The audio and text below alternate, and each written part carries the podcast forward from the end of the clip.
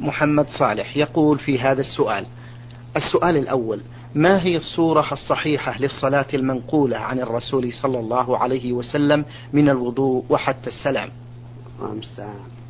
الحمد لله رب العالمين وأصلي وأسلم على نبينا محمد وعلى آله وأصحابه ومن تبعهم بإحسان إلى يوم الدين. هذا السؤال يحتاج إلى مجلد. نعم. لأنه يريد من الوضوء إلى أن تنتهي الصلاة. نعم. فنبدأ أولا بصفة الوضوء. طيب. صفة الوضوء أن الإنسان ينوي الوضوء بقلبه دون أن يتلفظ به بلسانه ثم يغسل كفيه ثلاث مرات ثم يتمضمض ويستنشق ويستنثر ثلاث مرات. إن كان بثلاث غرفات فهو أفضل وإن لم يتمكن فلو بست غرفات. ثم يغسل وجهه كاملا من الأذن إلى الأذن عرضا ومن منحنى الجبهة إلى أسفل اللحية طولا. ثم يغسل يديه من أطراف أصابعه إلى مرفقيه والمرفقان داخلان في الغسل. ثم يمسح رأسه يضع يديه على الناصية فيمسح من مقدم رأسه إلى قفاه ثم يرد يديه مرة أخرى إلى ناصيته. ثم يمسح أذنيه. يدخل السبابتين في سماخ الأذنين نعم. ويمسح بإبهاميه ظاهر أذنيه. ثم يغسل رجليه من أطراف أصابعه إلى الكعبين وهما العظمان الناتئان في أسفل الساق وهما داخلان في الغسل. هذا هو الوضوء. طيب. ويقول عند ابتدائه بسم الله وعند انتهائه أشهد أن لا إله إلا الله وأشهد أن محمدا عبده ورسوله. اللهم اجعلني من التوابين واجعلني من المتوهمين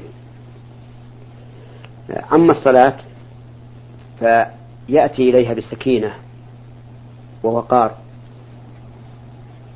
وتعظيم لله عز وجل ويتهيأ له على أكمل وجه كما قال تعالى يا بني آدم خذوا زينتكم عند كل مسجد. ويتسوك لتكمل طهارته. ثم يستقبل القبلة. ويقول الله أكبر. وهذه تكبيرة الأحرام التي بها يدخل في الصلاة. نعم. ولا تنعقد الصلاة إلا بها. يقول الله أكبر. ثم يستفتح. وأمامه صنفان من الاستفتاح. الأول أن يقول اللهم باعد بيني وبين خطاياي كما باعدت بين المشرق والمغرب. اللهم نقني من خطاياي كما ينقى الثوب الأبيض من الدنس اللهم اصلني من خطاياي بالماء والثلج والبرد. والثاني أن يقول سبحانك اللهم وبحمدك وتبارك اسمك وتعالى جدك ولا إله غيرك. يقول هذا مرة وهذا مرة. لأن كل واحد منهما سنة. ثم يقول أعوذ بالله من الشيطان الرجيم. بسم الله الرحمن الرحيم. ويقرأ الفاتحة تامة ويقف عند كل آية. يقول الحمد لله رب العالمين. الرحمن الرحيم. مالك يوم الدين. إياك نعبد وإياك نستعين. اهدنا الصراط المستقيم. صراط, صراط الذين أنعمت عليهم. غير المغضوب عليهم ولا الضالين. ثم يؤمن. يقول آمين. ثم يقرأ سورة بعد الفاتحة. تكون في صلاة الفجر من طوال المفصل وفي المغرب من قصار المفصل وفي الباقي وهي الظهر والعصر والعشاء من أوساطه. والمفصل طواله من قاف إلى عمة أي سورة النبأ. وقصاره من سورة الضحى إلى آخره إلى آخر القرآن. وأوساطه ما بين ذلك من عم إلى الضحى. ويكون هذا هو الأغلب على صلواته. ولا بأس أن يقرأ بل من السنة أن يقرأ في صلاة المغرب من طوال مفصل أحيانا. فقد ثبت عن النبي صلى الله عليه وسلم أنه قرأ في المغرب بالطور وقرأ فيها بالمرسلات. ثم يركع فيكبر حين هويه إلى الركوع ويبسط ظهره ويجعل رأسه حيالة. لا ينزل الرأس ولا يرفعه. ويضع يديه على ركبتيه مفرج يديه الأصابع ويجافي عضديه عن جنبيه. ويقول سبحان رب العظيم. يكررها. ويقول معها سبحانك اللهم ربنا وبحمدك اللهم اغفر لي. ويقول أيضا سبوح قدوس رب الملائكة والروح. ثم يرفع رأسه قائلا سمع الله لمن حمده. وإذا سمى قائما قال ربنا ولك الحمد. ملء السماوات وملء الأرض. وملء ما بينهما وملء ما شئت من شيء بعد. أهل الثناء والمجد أحق ما قال العبد وكلنا لك عبد لا مانع لما أعطيت ولا معطي لما منعت ولا ينفع ذا الجد منك الجد. ثم يخر ساجدا مكبرا ويسجد على سبعة أعظم على الجبهة ويتبعها الأنف وعلى الكفين وعلى الركبتين وعلى أطراف القدمين ويرفع ظهره ويجافي عضديه عن جنبيه ويستقبل بأصابع يديه القبلة ويقول سبحان ربي الأعلى يكررها ويقول سبحانك اللهم وبحمدك سبحانك اللهم ربنا وبحمدك اللهم اغفر لي. ويقول سبوح قدوس رب الملائكة والروح ويدعو ويكثر الدعاء. لقول النبي صلى الله عليه وسلم ألا وإني نهيت أن أقرأ, أن أقرأ القرآن راكعا أو ساجدا. فأما الركوع فأعظموا فيه الرب وأما السجود فأكثروا فيه من الدعاء فقمن أن يستجاب لكم. وقال صلى الله عليه وعلى آله وسلم أقرب ما يكون العبد من ربه وهو ساجد. ثم يرفع من السجود مكبرا ويجلس بين السجدتين مفترشا والافتراش أن والافتراش أن ينصب رجله اليمنى خارجة من عند وركه وأن يجلس على بطن رجله اليسرى. ويضع يديه على ركبتيه. ويقول رب اغفر لي وارحمني وعافني واهدني واجبرني وارزقني. ثم يسجد السجدة الثانية كما سجد الأولى. ثم يقوم إلى الركعة الثانية ويفعل فيها كما فعل في الأولى إلا أنه لا استفتاح فيها لأن الاستفتاح إنما هو في الركعة الأولى. وهل يقول أعوذ بالله من الشيطان الرجيم أو يقتصر على الاستعادة الأولى؟ على قولين للعلماء فإن فعل فقد أحسن وإن ترك فقد أحسن. ثم يقرأ الفاتحة وسورة معها. والذي ينبغي أن تكون هذه الركعة دون الركعة الأولى. في قراءتها وفي ركوعها وسجودها. فإذا أتم الركعة الثانية جلس للتشهد.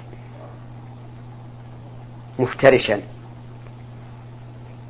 كما يجلس أو كما جلس بين السجدتين ويقرأ التشهد التحيات لله والصلوات والطيبات. السلام عليك أيها النبي ورحمة الله وبركاته. السلام علينا وعلى عباد الله الصالحين. أشهد أن لا إله إلا الله وأشهد أن محمدا عبده ورسوله. فإن كانت الصلاة ثنائية كالفجر أتم التشهد فقرأ اللهم اللهم صل على محمد وعلى آل محمد كما صليت على إبراهيم وعلى آل إبراهيم إنك حميد مجيد. اللهم بارك على محمد وعلى آل محمد كما باركت على إبراهيم وعلى آل إبراهيم إنك حميد مجيد. أعوذ بالله من عذاب جهنم ومن عذاب القبر ومن فتنة المحيا والممات ومن فتنة المسيح الدجال. ربنا آتنا في الدنيا حسنة وفي الآخرة حسنة وقنا عذاب النار. ثم يسلم. وإن كانت الصلاة ثلاثية أو رباعية قام بعد التشهد الأول. أي قام حين يقول أشهد أن لا إله إلا الله وأن وأشهد أن محمدا عبده ورسوله وأتى بركعتين. يقتصر فيهما على الفاتحة. ثم يجلس للتشهد الأخير لكنه يجلس متوركا بأن ينصب رجله اليمنى ويخرج رجله اليسرى من الجانب الأيمن من تحت ساق اليمنى ويقرأ التشهد كاملا ثم يسلم. وعند السلام في الفريضة يقول أستغفر الله أستغفر الله أستغفر الله. اللهم أنت السلام ومنك السلام. تبارك يا ذا الجلال والإكرام. وما جاء في السنة من أنواع الأذكار. هذا هذه صفة الصلاة التي وردت عن النبي صلى الله عليه وعلى آله وسلم. جزاكم الله خيرا فضيلة الشيخ. يقول هذا السائل ختم المصحف على روح الميت ما حكمه في الشرع؟ آه، معنى ختم المصحف على روح الميت أن الإنسان يقرأ القرآن ينوي ثوابه للميت. وهذا مختلف فيه بين العلماء فمنهم من قال إن هذا عمل صحيح يثاب عليه الميت ومنهم من قال إنه عمل غير صحيح وأنه يقتصر فيما يهدى إلى الميت من القربات على ما جاءت به السنة فقط. ولكن الأقرب أنه عام أي أنه يجوز أن يقرأ القرآن كله أو بعضه ينوي بثوابه الميت ولكن هذا ليس أمرا مطلوبا مستحبا يطلب من الإنسان أن يفعله. بل الأفضل إذا كان يريد أن ينفع الميت أن يدعو له لقول النبي صلى الله عليه وعلى آله وسلم إذا مات الإنسان انقطع عمله إلا من ثلاث صدقة جارية أو علم ينتفع به أو ولد صالح يدعو له. فذكر النبي صلى الله عليه وسلم الدعاء دون العمل مع أن الحديث في سياق العمل. فدل هذا أن فدل هذا على أنه ليس من المشروع أن الإنسان يعمل أعمالا صالحة وينوي بها أحدا من الأموات سواء كان قريبا أم بعيدا. بل الأفضل له والمشروع في حقه أن يدعو للميت وأن يجعل الأعمال الصالحة لنفسه لأنه هو بنفسه سوف يكون محتاجا إلى هذه الأعمال الصالحة. فكيف يهديها لغيره؟ غيره حقه عليه أن يدعو له كما جاء في الحديث. وأما أن يجعل له من أعماله شيئا فهذا ليس بمشروع. ولذلك أحث إخواني الذين يريدون أن ينفعوا أمواتهم من الأمهات والآباء والإخوة والأخوات والأعمام والعمات والأخوال والخالات أحثهم على أن يدعوا لهم يدعو لهم. فإن ذلك هو الخير والأفضل والأوفق لما جاءت به السنة. نعم. جزاكم الله خيرا. السائل الذي كتب هذه الرسالة عبد الرزاق حسين يقول في هذا السؤال رجل نصح زوجته بالمواظبة على الصلاة فلم تمتثل فهل يمسكها أم يطلقها؟ آه، من المعلوم أن الرجال قوامون على النساء كما قال الله عز وجل الرجال قوامون على النساء. بما فضل الله بعضهم على بعض وبما أنفقوا من أموالهم. ومن المعلوم أن الرجل راع في أهله ومسؤول عن رعيته. فالواجب عليه أن يلزمها بالصلاة وأن يؤدب وأن يؤدبها على تركها. فإن استقامت فهذا المطلوب وإن لم تستقم وكانت لا تصلي أبدا فإنها كافرة والعياذ بالله لا تحل له.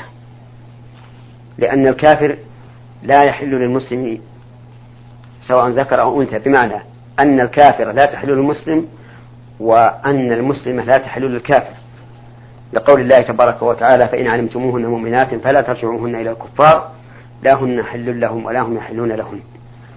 وحينئذ يجب عليه فراقها إذا عجز عن, عن إلزامها بالصلاة. ولكني أقول إذا كان هذا الأمر واقعا حقا فإني أوجه النصيحة لهذه الزوجة وأقول لها اتق الله في نفسك وفي زوجك وفي أولادك إن كان لك أولاد منه اتق الله عز وجل وارجعي إلى الرشد والهداية. أقيم الصلاة وآت الزكاة كما أمر الله تعالى نساء النبي صلى الله عليه وسلم بذلك. نسأل الله للجميع الهداية والتوفيق. اللهم آمين. رجل تصدق على أبنائه الذكور ولم يعطي شيئا لبناته فهل تعتبر هذه الصدقة صحيحة؟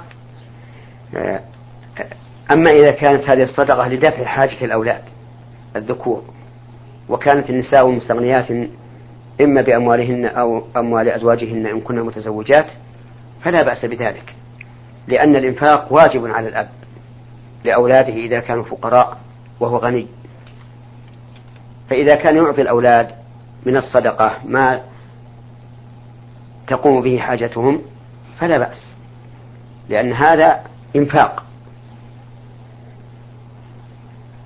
فلا بأس أن يخص به المحتاج دون غيره.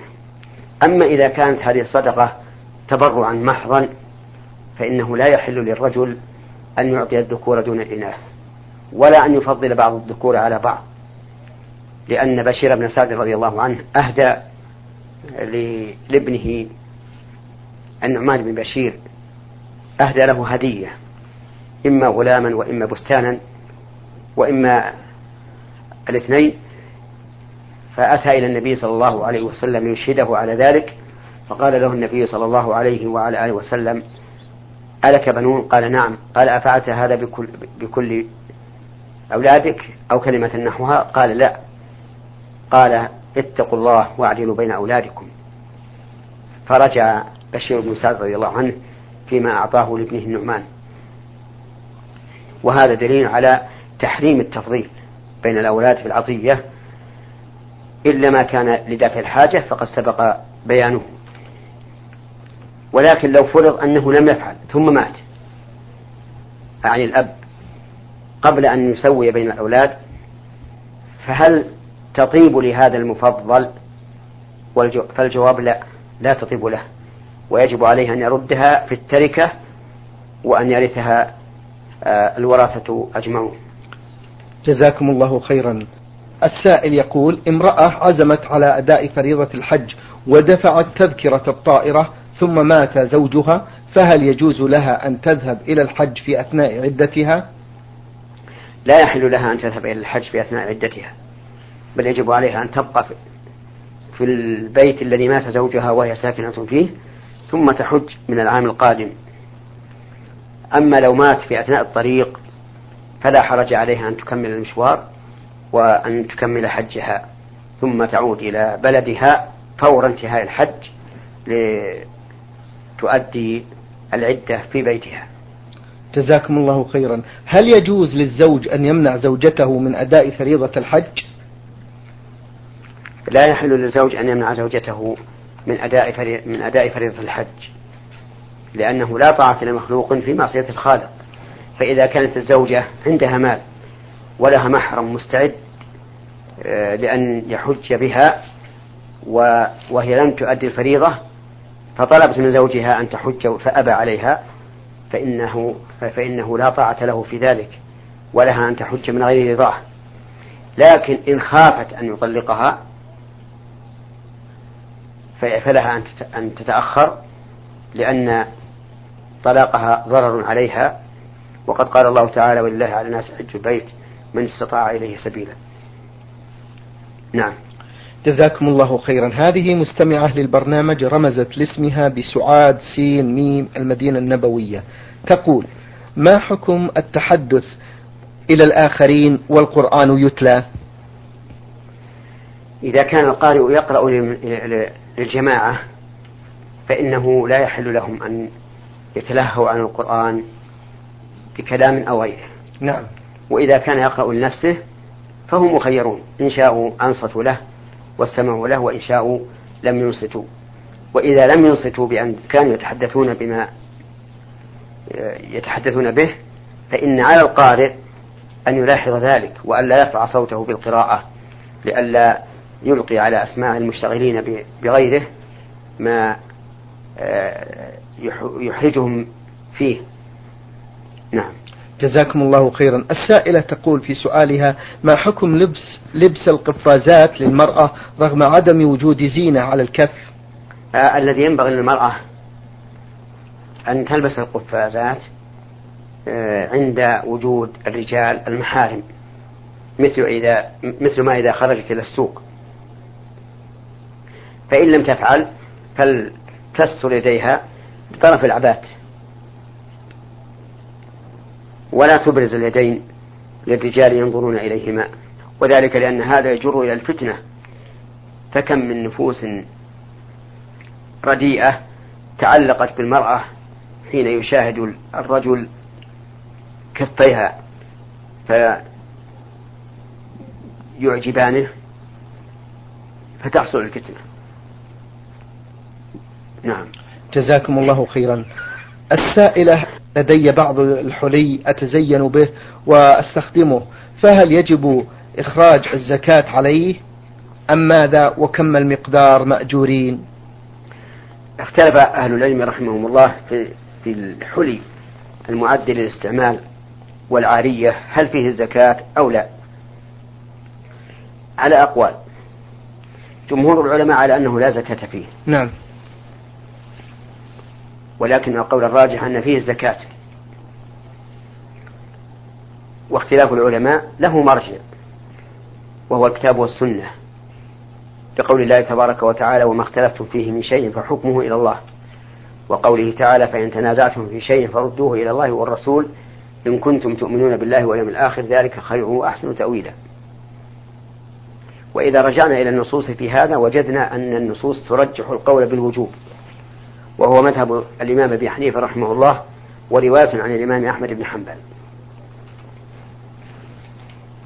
وعلى هذا فيجب على المرأة التي عندها حلي أن تخرج زك زكاته إما منه بقدر الواجب وإما بدراهم وإما من الدراهم حيث تقوم الحلي ماذا يساوي وتخرج من قيمته. والواجب فيه ربع العشر أي واحد من أربعين إذا بلغ النصاب. والنصاب في الذهب خمس وثمانون جراما. فإذا كان عند المرأة من الحلي ما يبلغ خمسة وثمانين جراما وجب عليها أن تخرج زكاته كل عام. ربع العشر. فتذهب إلى إلى فتذهب إلى الصاغة أو تجار الذهب وتسألهم ماذا يساوي هذا الحلي. فإذا قالوا هذا يساوي ألف ريال لأنه يبلغ خمسة وثمانين جراما أو أكثر ولكن قيمته ألف ريال نقول تخرج عنه خمسة وعشرين ريالا. نعم. جزاكم الله خيرا. السائل عدنان من الأحساء الهفوف. يقول في هذا السؤال ما حكم العدسات اللاصقة التي توضع على العين بدلا عن النظارة سواء كانت هذه العدسات طبية أو تجميلية أو طبية وتجميلية في آن واحد؟ وجهونا في ضوء ذلك. نعم إذا كانت العدسات طبية والعين محتاجة لها فلا بأس بها لكن بشرط أن يراجع الطبيب في ذلك. نعم. لأن المسألة خطيرة فلا بد من التحري والتثبت في جدواها وعدم مضرتها. وأما إذا كانت تجميلية فلا بأس بها أيضا بالنسبة للنساء لكن بشرط مراجعة الطبيب وبشرط أن لا تكون هذه العدسات آه، ملونة كأعين البهائم مثلا. لأنها إذا كانت ملونة كأعين البهائم آه، صار ذلك آه، دنوا بالنسبة لبني آدم لأن بني آدم أكرم من البهائم. ولم ترد مشابهة البهائم إلا في مقام الذم.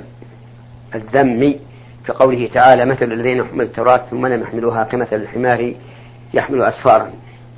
وكقوله تعالى واتل عليهم نبأ الذي آتيناه آياتنا فانسلخ منها فأتبعه الشيطان.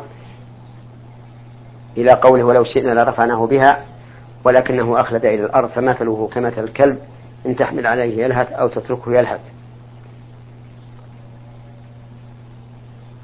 وكقوله صلى الله عليه وسلم عيت في هبتي كالكلب يقيء ثم يعود في قيئه.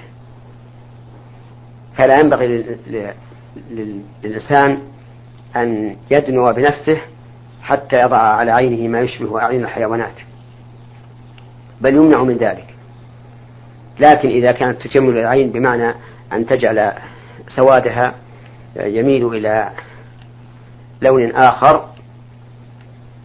فلا حرج. لكن بشرط مراجعة الطبيب. نعم. جزاكم الله خيرا. السائلة هم خالد من الرياض تقول كيف تقضي المرأة الصلاة إذا طهرت قبل المغرب أو قبل الفجر؟ أي صلاة تقضيها أولا؟ نعم. إذا طهرت قبل المغرب فإنها تقضي صلاة العصر. ولا ولا يلزمها أن تقضي صلاة الظهر لأن الظهر قد خرج وقتها وهي حائض والحائض لا تلزمها الصلاة. وإذا طهرت قبل الفجر فإنه لا يلزمها شيء من الصلوات لأن وقت العشاء ينتهي بنصف الليل. وما بين نصف الليل وصلاة الفجر ليس وقتا لصلاة العشاء على القول الراجح حيث أن النبي صلى الله عليه وسلم قال في وقت العشاء إنها إلى نصف الليل ولم يرد عن النبي صلى الله عليه وسلم ما يدل على أن وقتها يمتد إلى طلوع الفجر. بخلاف العصر فإن العصر وقتت إلى أن تصفر الشمس أو إلى أن يصير ظل كل شيء مثليه ولكن ورد حديث يدل على أن من أدرك ركعة من صلاة العصر قبل أن تغرب الشمس فقد أدرك العصر. ولم يرد مثل ذلك في العشاء فبقيت على الحد الأول وهو نصف الليل. فإذا طهرت المرأة بعد منتصف الليل فليس عليها صلاة لا عشاء ولا مغرب. نعم. شكر الله لكم فضيلة الشيخ وبارك الله فيكم وفي علمكم ونفع بكم المسلمين. أيها الإخوة